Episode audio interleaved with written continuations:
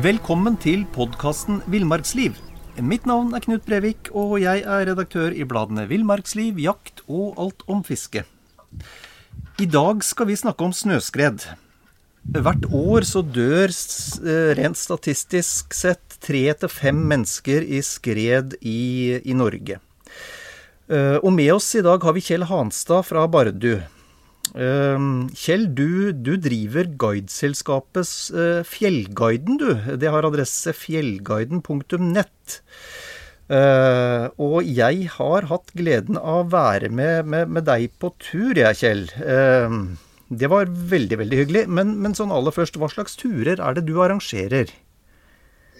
Ja, det er først og fremst uh, fisketurer, uh, innlandsfiske, da, som jeg arrangerer. Ja. Fiske i uh, vann og elver. Og jeg har mest aktivitet eller kunder da, på, på sommeren. Ja. Inne i indre, indre del av Troms. Bardu og indre del av Målselv. Men jeg har også noe, noe på isfiske òg, da, utover april og mai måned. Ja. ja. Veldig bra. Og, og, litt av bakgrunnen for at du kan drive med, med, med Fjellguiden, er jo at du er en usedvanlig erfaren eh, friluftsmann. Du har, du har leda Røde Kors i Bardu. Og du har over 35 års lang og variert erfaring fra Forsvaret.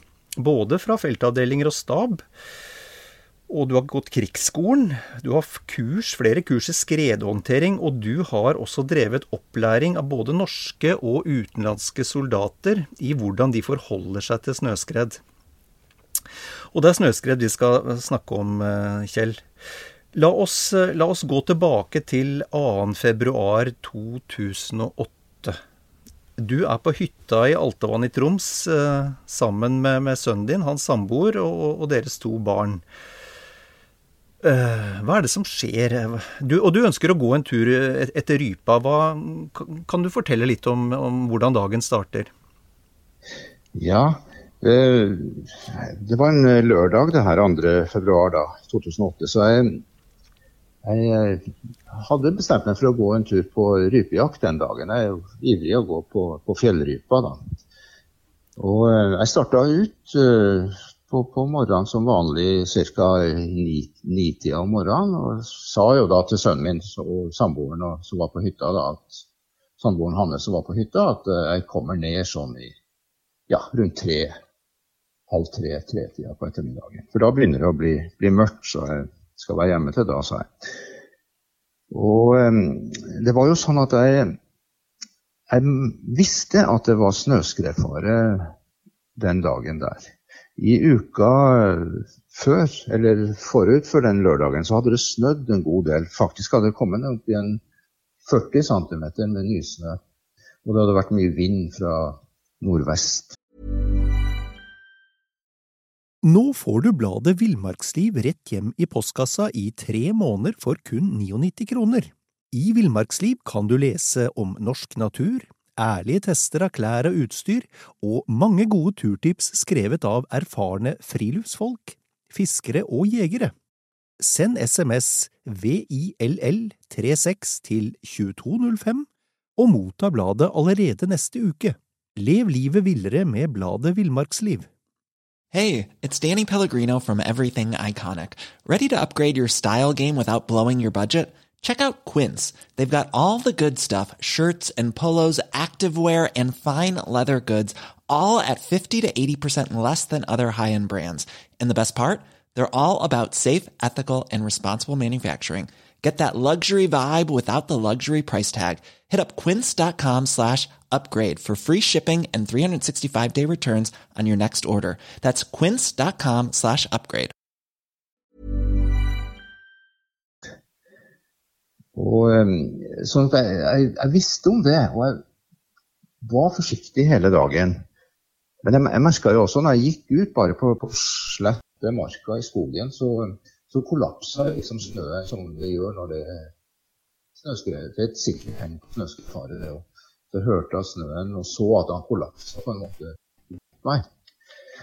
Så jeg var som sagt eh, forsiktig, og hele dagen gikk jeg da på jeg fulgte rygger, og jeg gikk ikke i bratt terreng. og og i hele tatt hadde det i bakhodet at jeg, må, jeg måtte være forsiktig. Mm.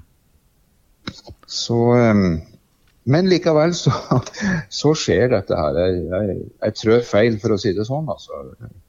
Jeg, jeg gjorde en, en, feil helt på slutten av dagen. Da Jeg var på, jeg var på hjem, vei hjemover til hytta igjen.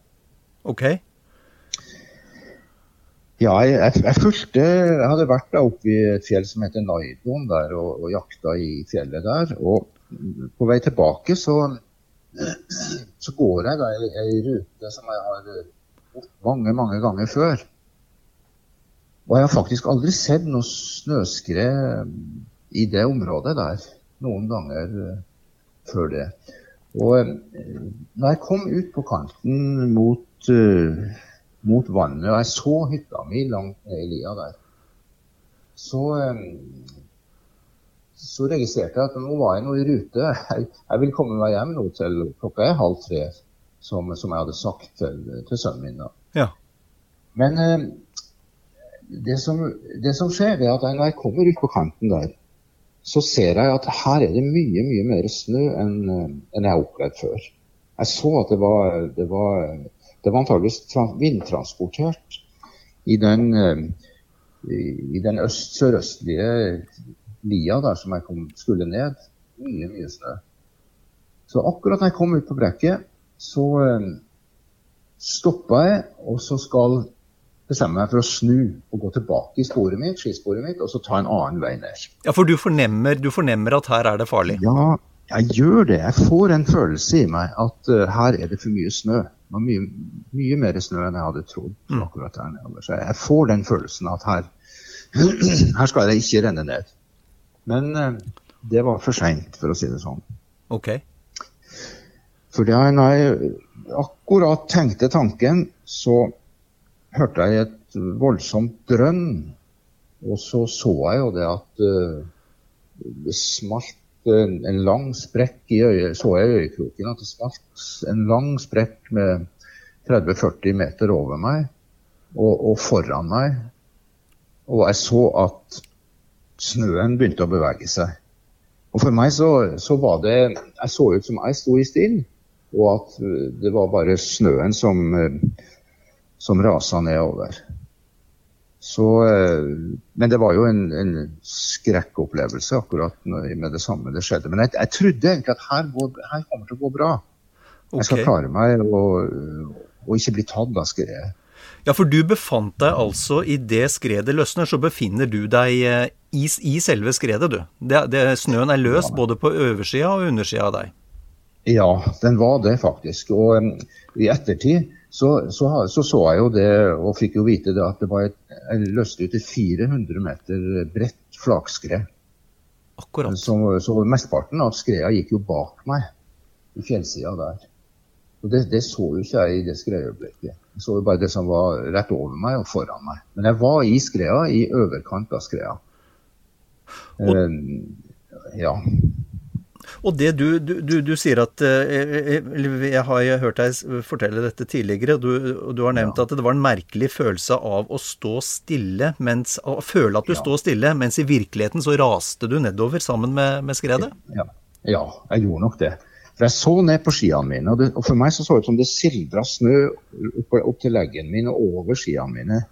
Og, og, og, jeg hadde følelsen rett og slett at, at jeg sto stille. Mm, -hmm. Men, um, men, jeg var i virkeligheten i, i, i god fart nedover.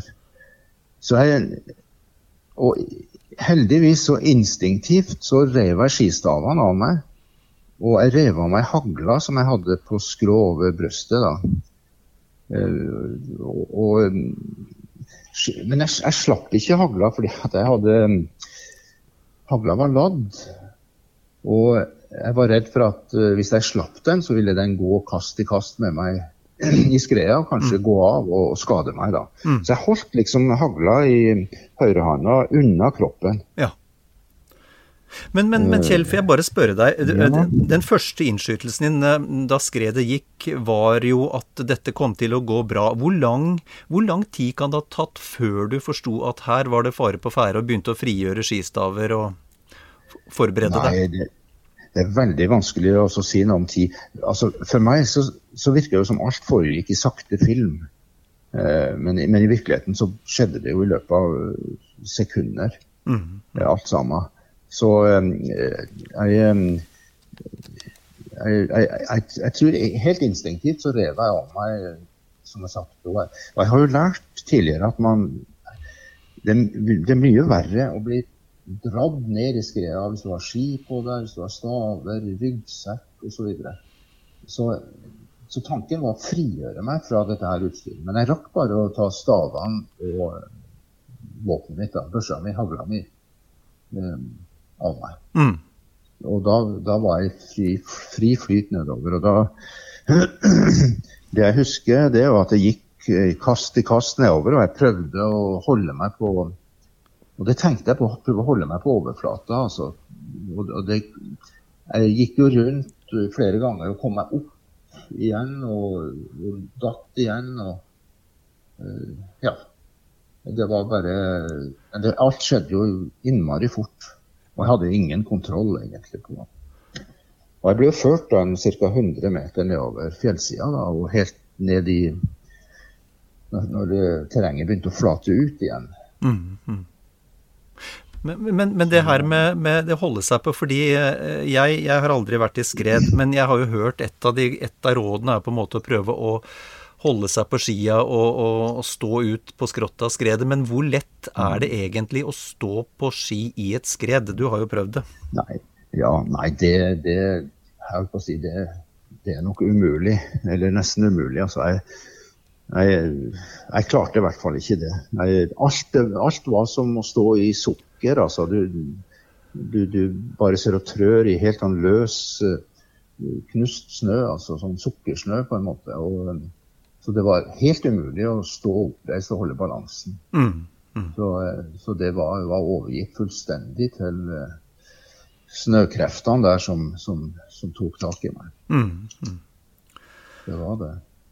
Og så, og så, ble du altså ført eh, rundt 100 meter med skredet? Ja, jeg ble det. Og, eh, og, det jeg husker, det er jo det at jeg plutselig ble kasta bakover med voldsom kraft. Eh, og det var nok da skiene mine satte seg fast, da. Og beina mine omtrent ut i spagat. Og, det, og, og så ble jeg slengt bakover i en sånn 45 graders vinkel og med ansiktet opp, da, heldigvis. Og, og da holdt jeg fortsatt hagla i handa unna kroppen. Og jeg hadde sluppet skistavene og ført den venstre hånda mi over ansiktet. Og, um, og, og det, jeg hørte da en ja, tre-fire bølger med, med som drønn som gikk over, med snø som gikk over meg. Så det var all den snøen som var over meg når skreia løsna, som kom ned, og så begravde meg i snøen, da. Mm, mm. Og da var alt mørkt og svart. Og, um, og jeg hadde jo en voldsom kamp da, for, å, for, å, klare å få luft. Jeg vet jo ikke de første minuttene der jeg, jeg, jeg husker bare at jeg jeg ville, ville, kveles eller drukne kan du si, i snøen. Da. Jeg hadde jo, luftveiene var fulle av kornsnø. Og munn, munnen min var full av snø. og nese og hele ansiktet. Så jeg klarte å, med venstrehånda å grave ut av munnen min og hoste, harka og spytta. Og, og til slutt så, så fikk jeg luft, da. Mm. Og det, det, neste jeg husker, da, det var at jeg hørte min egen stemme nede i snøen og skreik, skreik og skreik og ropte om hjelp. Så det, det, var, det var Da var det panikk. Fullstendig panikk. Men hvordan Du, du, du hadde litt bevegelsesmulighet da, med, med, en arm, skjønner jeg? Ja. ja, jeg hadde det. Jeg hadde det med venstrearmen min, så jeg, jeg grov, grov, rundt ansiktet mitt og fikk et rom kan du si, ned mot halsen og øvre del av brøstet. og foran ansiktet et rom der. da. Og, og, og, når jeg klarte å på en måte summe meg litt, så, så klarte jeg å se at det var Jeg så lys gjennom snøblokkene over meg. Jeg skimta lys kom gjennom snøblokkene. Og eh, mens et voldsomt press på, på, brøstet mitt og mage og ja, beina Jeg prøvde jo å, å, rive og slite i, i, beina mine, men det satt som i skrustykke alt sammen. Så jeg hadde ikke muligheter til å bevege noen ting. Mm. Annet enn en, den ene handa. Og så fikk jeg også løsna høyrehanda mi, eh, fra, og, og hagla sto igjen i, i snøen over meg. da. Så jeg fikk eh, etter hvert brukt eh, begge hendene mine. Men jeg, jeg klarte ikke å grave noe ned, ned mot brøstet, eh, for det var så hardt, hard snø der. Mm.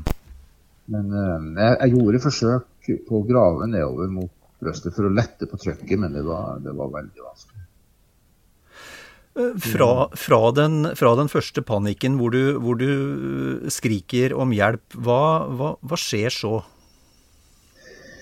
Ja, nei, jeg, jeg prøver jo å, å, ta meg sammen, for å si det sånn. Jeg, jeg må si jeg snakka høyt med meg sjøl og, og, og, ba, ba, meg ta, ta, det rolig og ta meg sammen. Og, så, så, begynte jeg Jeg var jo dødsredd, det må jeg innrømme. Jeg, jeg var jo virkelig redd for å, for å dø. Og det jeg tenkte på, det var jo det at det er jo ingen som har sett meg her.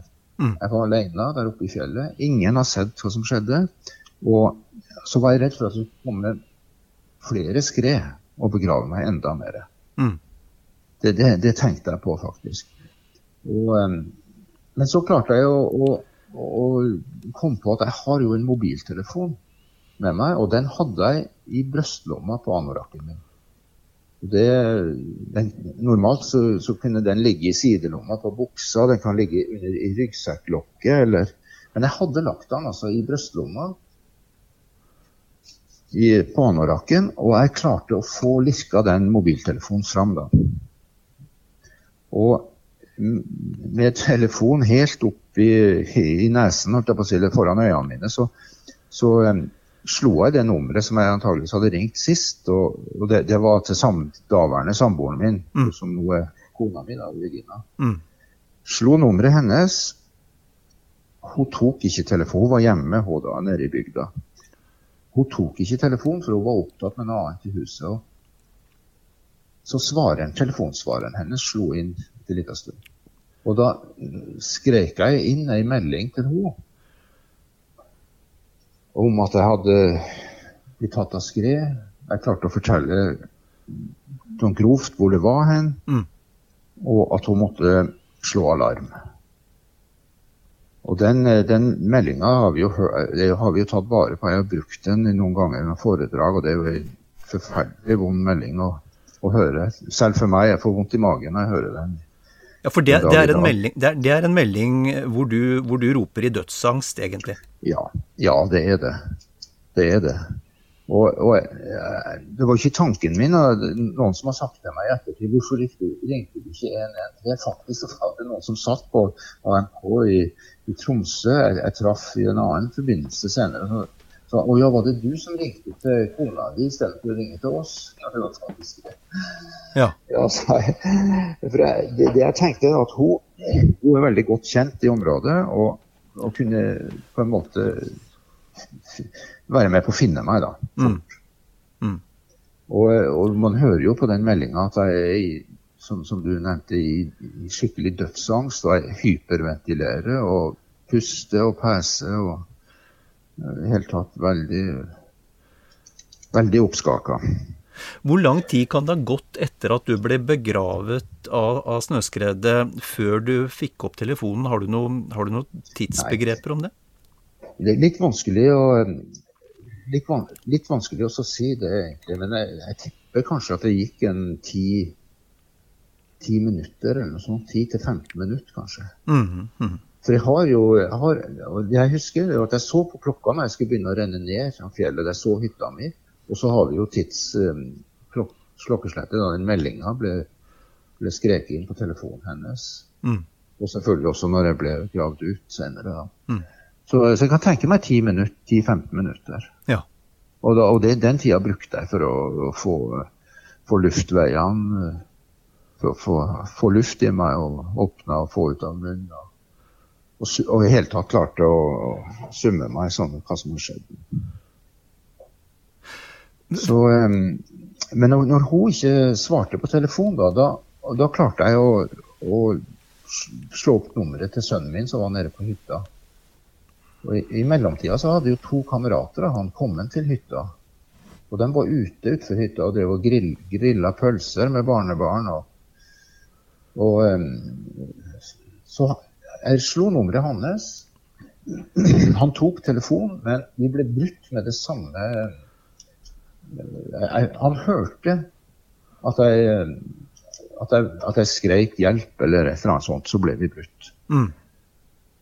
Og han De så jo da oppe i fjellet, og da så de skredkanten oppe i fjellet. Bruddkanten på den store skreia som hadde gått av. Og skjønte med en gang at her her, her, har, det, her har det gått et snøskred. Mm. Så eh, det, det, som skjedde da, det var jo dem I panikken så heiv de seg på snøscooterne, på tre snøscootere, de to kameratene hans og han sjøl. Og tok ikke med seg ski, ikke med seg spade. De, de sa, han sa etterpå denne, han tenkte overhodet ikke på det. Det var bare å prøve å komme meg til unnsetning eller komme ut til skredområdet så fort som mulig. Mm. Og, men de kjørte seg fast med scooterne i skogen opp lia der. Det var ikke sjans om å komme fram. Så han, øh, sønnen min, da, som heter Jon, og en kamerat, de fortsatte oppover øh, uten ski. De krøp på alle fire oppover fjellet, fjellsida. Mens han tredjemann han klarte å få løs snøscooteren og kjørte ned og rundt og inn en, en sidedal par kilometer lenger inn og kom opp på fjellet på baksida. Mm. Og i mellomtida så, eh, så, så hadde jo Regina tatt telefonen da, og hørt meldinga mi og ringer meg tilbake. Og da holdt jeg satt jeg, altså, jeg lå i skreia og holdt telefonen rett foran eh, ansiktet mitt og, og var livredd for å miste telefonen. Men hun ringte meg tilbake og bare sa ta det med ro, ta det rolig, du får hjelp. Vi tilkaller hjelp. Mm. Og så fortalte hun ja. Og, og, da skjønte jeg jo at jeg kom, på en måte at jeg kom til å overleve. At jeg kom til å bli funnet. Mm. Eh, når jeg fikk den meldinga fra henne. Og hun ringte jo da umiddelbart til AMK i Tromsø. da. Og Der ble det skrembla ambulansehelikopter og med en politimann med en lavinehund også. Nå får du bladet Villmarksliv rett hjem i postkassa i tre måneder for kun 99 kroner. I Villmarksliv kan du lese om norsk natur, ærlige tester av klær og utstyr, og mange gode turtips skrevet av erfarne friluftsfolk, fiskere og jegere. Send SMS VILL36 til 2205 og motta bladet allerede neste uke. Lev livet villere med bladet Villmarksliv. There's never been a faster or easier way to start your weight loss journey than with PlushCare. PlushCare accepts most insurance plans and gives you online access to board-certified physicians who can prescribe FDA-approved weight loss medications like Wigovi and Zepbound for those who qualify. Take charge of your health and speak with a board certified physician about a weight loss plan that's right for you. Get started today at plushcare.com slash weight loss. That's plushcare.com slash weight loss. Plushcare.com slash weightloss. Og eh, så ringte hun eh, til, til, sønnen min, at han Jon, og sa at hun hadde snakka med meg, og at jeg at det gikk bra, men at jeg var livredd for at det skulle gå en ny, ny skred i området. At jeg måtte være forsiktig. Men jeg måtte, måtte gjøre alt de kan for, kunne for å komme seg opp dit. Mm. Så etter det så, så putta jeg telefonen tilbake i brystlomma mi, tok han opp igjen, holdt i telefonen, la han tilbake i brystlomma. Jeg, jeg, alt dreide seg om det lille holdepunktet jeg hadde til til verden utafor, det var gjennom den telefonen der. Mm, mm. Og, eh, og, og, hele tida da så, så, så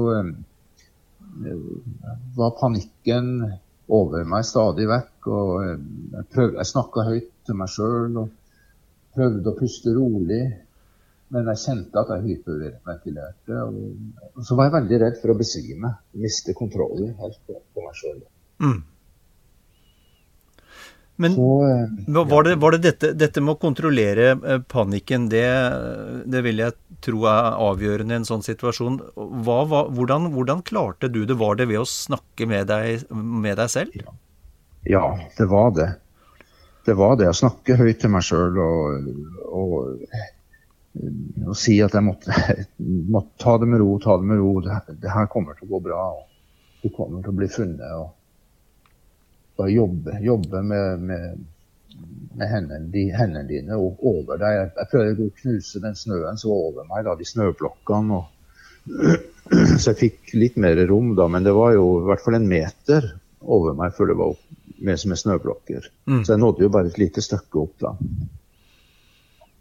Så, eh, så det, det, tror jeg eh, at, at, jeg gjorde det, gjorde at jeg i hvert fall eh, klarte å holde roen sånn noenlunde. Mm, mm. Det, det, gjorde nok. Hvor, hvor, viktig tror du da Altså, du har jo trent på dette. Du, du er jo en usedvanlig erfaren friluftsmann, har lang erfaring fra Forsvaret. Altså, hvor, hvor viktig er den type erfaring i sånne situasjoner? Ja, jeg tror den er veldig viktig. Vi har jo, som sagt, jeg har jo gått eh, tre, tre år i krigsskole, og vi, vi, hadde jo en masse øvelser og slike ting som, som, hvor vi skulle lære å, å kjenne oss sjøl, hvilke begrensninger vi hadde osv. Det var jo en del sånne øvelser som gikk på det å kontrollere klaustrofobi og i, i trange rom og, og, slike ting. Og i, i grøfter og rør osv. Så, videre. så Så jeg har jo jeg har vært med på ekstreme øvelser hvor man eh, kan du si det, som går på psyken skikkelig løs. Og mm.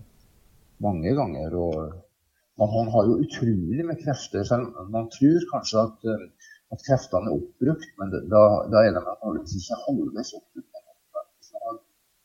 Viljestyrke, jo viljen det kommer an på, så kan du klare det utroligste. Mm. Mm. Det har vi jo trent, det har jeg vært med på å trene mange ganger. Så man lærte seg sjøl å kjenne veldig godt. Mm. Mm. Gjennom det òg. Men etter, etter, at du hadde hatt kontakt med, med, med din kone Regina siste gang, hva, øh, hva, hva skjedde så? Ja, det som, det som, skjedde etterpå, da, det var jo det at jeg fikk faktisk øh, en telefon fra, øh, fra en lege som var om bord i helikopteret. Han hadde fått telefonnummeret mitt av Regina. Så legen i helikopteret ringte da eller, eller, om det var fra AMK, sannsynligvis, da, og, og, og sa da at helikopteret var på vei med lavinehund. Og på en måte prøvde å finne ut litt om situasjonen. Jeg stilte meg spørsmål og slike ting, og var veldig opptatt om jeg var, var alene, eller om jeg hadde andre folk i lag med meg. Mm. Det var flere som var gått i skredet.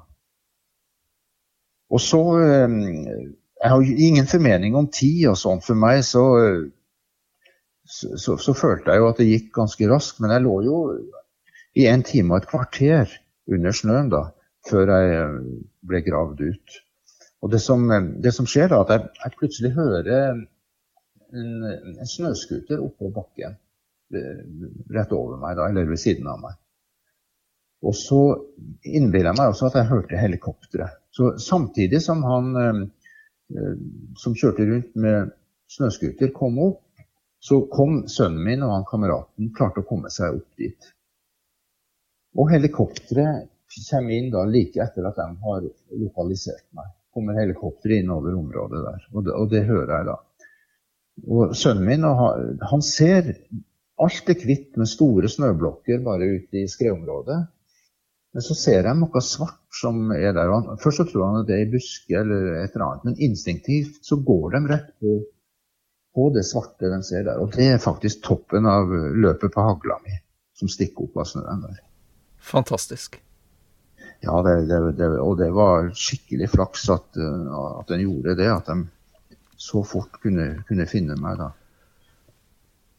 Og eh, og, og, de setter i gang å grave da, med bare hendene, da, for de hadde ikke noe, brukte jo noen redskaper. De tok av scooteren, men hadde ikke spade. Men klarte da å, å, grave ned og frigjøre all snøen over meg, over ansiktet mitt. Da. og sønnen min stakk handa si ned, og, og jeg rakk handa opp, og da nådde vi hendene til hverandre så vidt det var. Mm. Og han var helt utkjørt. Og, og vi klar, både han og meg da klarte ikke å prate i hele tatt fordi at for han hadde brukt noe enormt med krefter på å komme seg opp fjellsida der uten ski og mm. staver. Bare med å krype og gå oppover. Og um, de klarte da etter en stund å grave meg ut. Og helikopteret sto i kontakt, Regina sto i kontakt med AMK, og de fikk vite at de hadde funnet meg og drev og grov meg ut. Og da gikk helikopteret ned og, og, satte seg ned ved siden av hytta mi der nede. Så tok de meg ned på snøscooter da, da de hadde tatt meg ut. Og så inn på hytta, og der ble jeg eksaminert og sjekka da, fra topp til tå av en lege som var med. da. Mm. Men, men, Kjell, hvordan forfatning var du i da, de, da, din, da din, sønn og hans venn fikk deg opp av, opp av snøen? Jeg, jeg, var, jeg, var, helt utslitt. Jeg klarte ikke å stå på beina. Ehm, jeg, må ha brukt noe enormt med krefter på, på å slite og dra i, i, beina uten at jeg klarte å røre dem. Og, og brukt enormt med energi. Og så, jeg, så, klarte jeg ikke å snakke heller, for jeg, jeg var jeg skalv i hele kroppen og var så nedkjørt. Jeg var i ferd med å gå inn i en hypotermi som og, og mista mye kroppstemperatur. Mm. Så, så jeg, jeg, var helt uh, Ja, at jeg måtte dra meg ut og, og, og løfte meg opp og holde meg på snøscooteren for å få meg ned der. da. Men merka du kulda, merka du kulda nede i skredet, Kjell? Jeg, jeg, merka, egentlig ingenting til å begynne med, men helt på slutten så kan jeg huske det at jeg, at jeg skalv og rista i, i, kroppen, altså. Mm. Uh, og så da men det, men det, heldige var jo at jeg hadde ingen bar hud rett mot snøen. Jeg hadde en godt med kledd, klær på meg med, med ullundertøy, jeg lå på ryggsekken min, var på, den lå helt opp mot nakken min. Og jeg hadde en, en lue, god lue med en bøff over, for det var ganske mye vind den dagen på fjellet. Mm. Så jeg, jeg, hadde ikke noe bar hud direkte mot snøen. og det tror jeg, Ellers så kunne jeg tapt, tapt mer kroppsvarme. Mm. Mm. Men det var jo som å ligge i en fryseboks nedi der lå helt stille. Så, så eh, Hvor kaldt var det den dagen? Nei, det var en fem-seks kuldegrader. Ja. Mm. Men med, med, vind, da. Ja. ja da.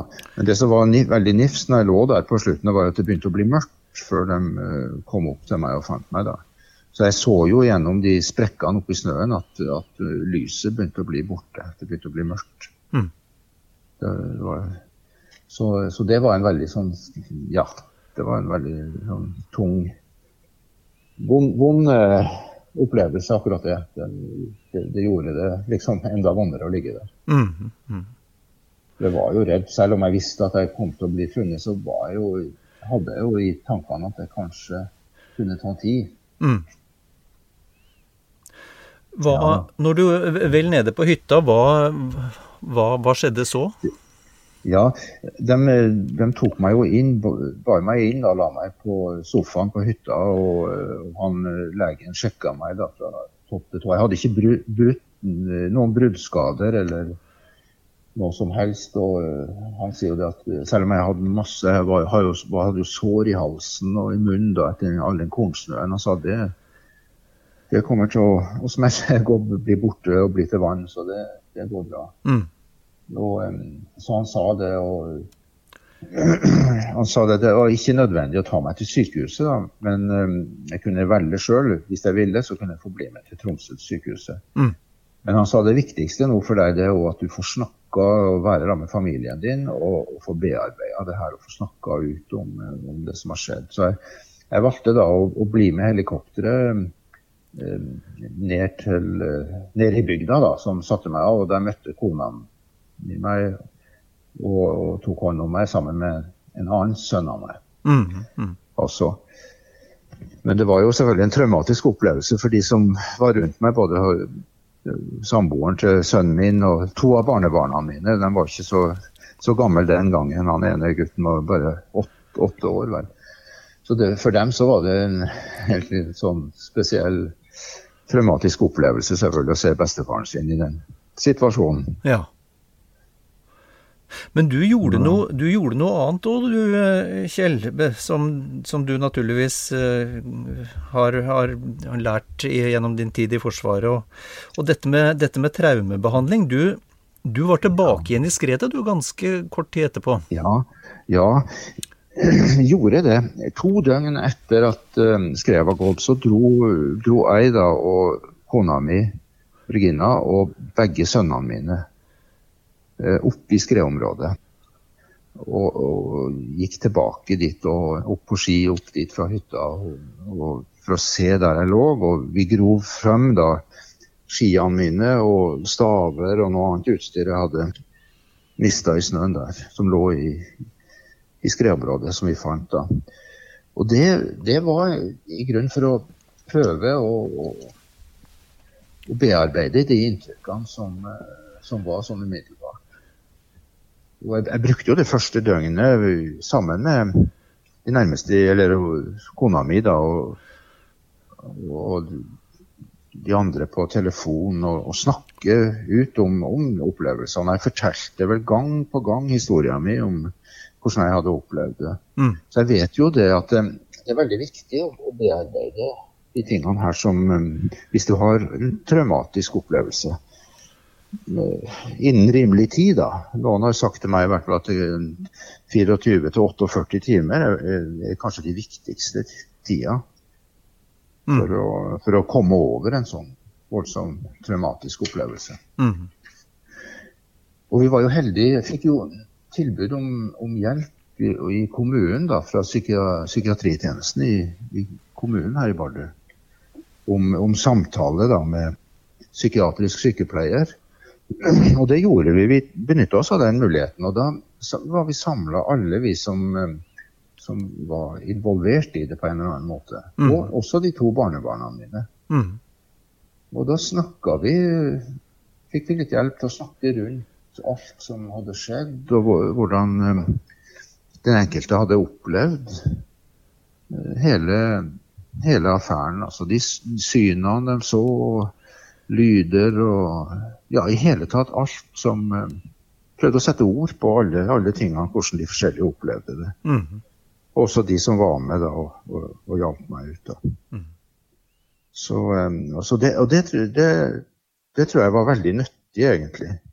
Jeg har ikke hatt noe, noe um, traumer etterpå av det der. Jeg, må jo innrømme at de første, den vinteren, resten av vinteren, så var jeg litt sånn jeg fikk litt vondt i magen når jeg gikk i, noen ganger i fjellet, og alt var hvitt. Og jeg liksom ikke så ordentlig konturene. Hvis det var litt dårlig lys Jeg behøvde ikke gå i bratt terreng, men hvis det var liksom en følelse av at alt var hvitt og rundt meg ikke hadde noen fastpunkter, så kjente jeg det i magen. Det må jeg innrømme. Mm -hmm.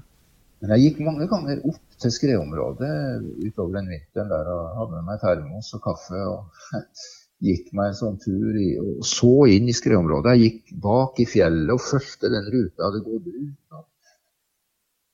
Prøvde å grøble litt på hvis jeg gikk der og sånne ting. Og alle de tingene der tror jeg var med på å bearbeide denne opplevelsen også. Så jeg eh, hadde jo en lang, en lang rekreasjonstur og gikk jo Norge på langs på ski. Jeg og kona mi vinteren etterpå. Ja, det var det jeg tenkte jeg skulle nevne, at du er jo ikke noe Du, du er ikke noe pyse, holdt jeg på å si. For det, du var jo ikke mer enn et år seinere, så var du på vei i Norge på langsida.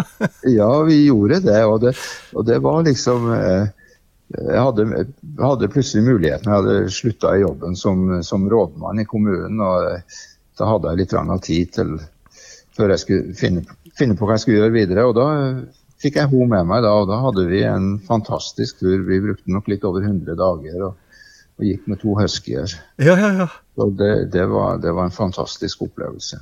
Men vi, vi var også ute i dårlig vær der òg mange ganger. Og, og jeg, jeg, hadde litt vondt i magen noen ganger der. Mm. Selv om vi ikke var i noe skredfarlig område, så, så fikk jeg den derre det gikk litt tid før jeg hadde det løsna fullstendig. det der. Mm, mm. Ja da. Du, Vi må også snakke litt om eh, Det, det er jo ikke noe, noe, morsomt faktum, men det er nå likevel et faktum at dette med å bli hjulpet ut av et, et skred av sin sønn, det er ikke nytt i familien din?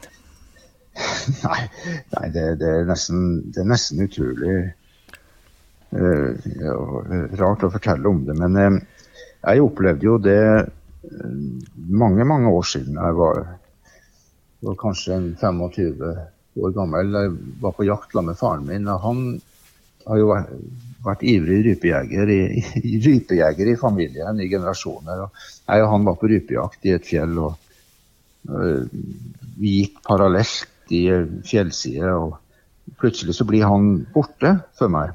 Jeg, jeg ser han ikke.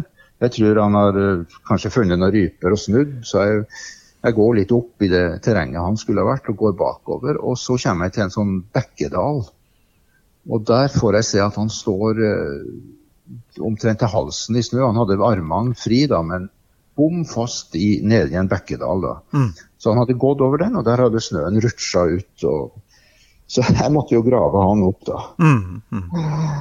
Og ei ski fikk vi ikke opp, og en stav var borte, så vi måtte bare gå ned, ned, ned til veien igjen da, på, på ei ski. Så det var en opplevelse. Og det rare er at han, han, forteller jo det at han opplevde det med sin far, altså min bestefar. Også inne ved Altavann i fjell. Han var vitne til at bestefaren min ble tatt, også på rypejakt, høyt i et skred. Eh, og han rutsja ut i ei sånn renne nedover fjellsida, men ble ikke begravd av snøen i hele tatt. Han var på overflata hele veien ned. Men kom ned med reimene på ryggsekken avslett, faggerløpet bøyd og forslått. Uff. Men ellers, ellers i ja, så det, det, det, så det var uh, veldig, veldig spesielt, altså. Mm. Det er nesten helt utrolig. Ja, det får en si. Ja. Men, eh, men eh, jeg, jeg, har tenkt hvordan i all verden kan det der skje. Men jeg tror man, når man eksponerer seg nok og, og Jeg ser jo de Man går på fjellrypejakt, så går man ofte der det er litt bratt. Og, og det kan være isete under og litt vanskelige forhold. Så det, man utsetter seg noen ganger for um, mer fare enn man burde ha gjort. Mm. Jeg, jeg tenker sånn, sånn, i ettertid, ettertid Kjell. Du, nå, du, har all, du, har jo all, mulig teoretisk kunnskap, og du har, eh, som en av ganske få, også praktisk erfaring med å bli tatt av et eh, skred. Hva vil, hva vil dine råd være til folk, både, både, for å unngå skredet, naturligvis, det viktigste, men også i forhold til oppførsel, hvis, hvis så galt skulle være at man blir tatt i et skred? Ja, det, det det viktigste er jo um, å egentlig prøve å, å, sette seg inn i de lokale forholdene. For det, det kan være store, store forandringer uh, fra sted til sted, hvordan skredfaren er. Og endringer kan jo skje veldig veldig fort. Det, det er stigen, stigning i temperaturen, det kan være snøfall og det er vind. Så, så, det må man være oppmerksom på. Nå I dag så har vi jo et godt hjelpemiddel i det her som heter Varsom, det nettstedet som heter varsom.no. Mm, mm. Hvor man kan gå inn og, og, på de aller fleste stedene i landet se eh, hvilken skred, skredfare det er da, på en gradering. da. Mm. Og, så det bør man jo gjøre før man, før man legger ut på en tur. Og samtidig kanskje sjekke de lokale forholdene også. da.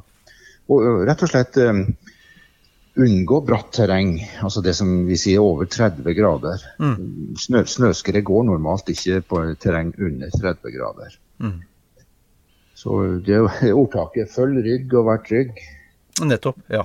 ja.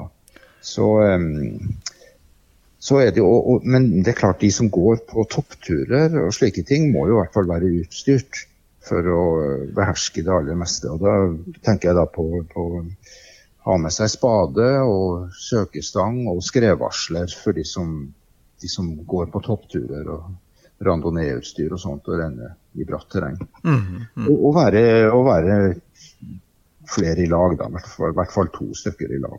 Mm. For det jo, Skulle ulykka være ute, så er det jo kameratredning som egentlig er eh, det, det viktigste.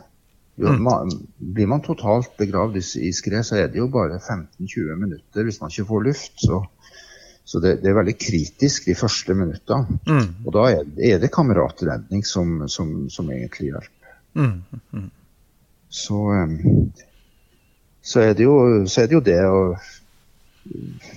Nei, rett og slett hvis man ikke må gå i, i bratt terreng, så å unngå det. Altså, man kan ha mange fine turopplevelser med, i, i et slakere terreng også. Mm. Mm. Det, det, det er min, min, mening, i hvert fall.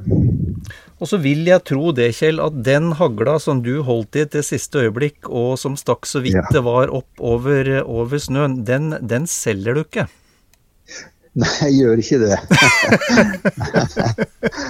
Jeg har den hagla enda. Hun må nok ha en liten reparasjon, for jeg, jeg fikk nok en liten smell i kolben. Men eh, den hagla skal jeg ha. Og eh, den, den skal jeg ha, ja. Det er riktig. Men hva da, ja da. Tusen takk for en eh, hyggelig prat, Kjell. Ja, takk i like måte. Nå får du bladet Villmarksliv rett hjem i postkassa i tre måneder for kun 99 kroner. I Villmarksliv kan du lese om norsk natur, ærlige tester av klær og utstyr, og mange gode turtips skrevet av erfarne friluftsfolk, fiskere og jegere. Send SMS VILL36 til 2205 og motta bladet allerede neste uke. Lev livet villere med bladet Villmarksliv.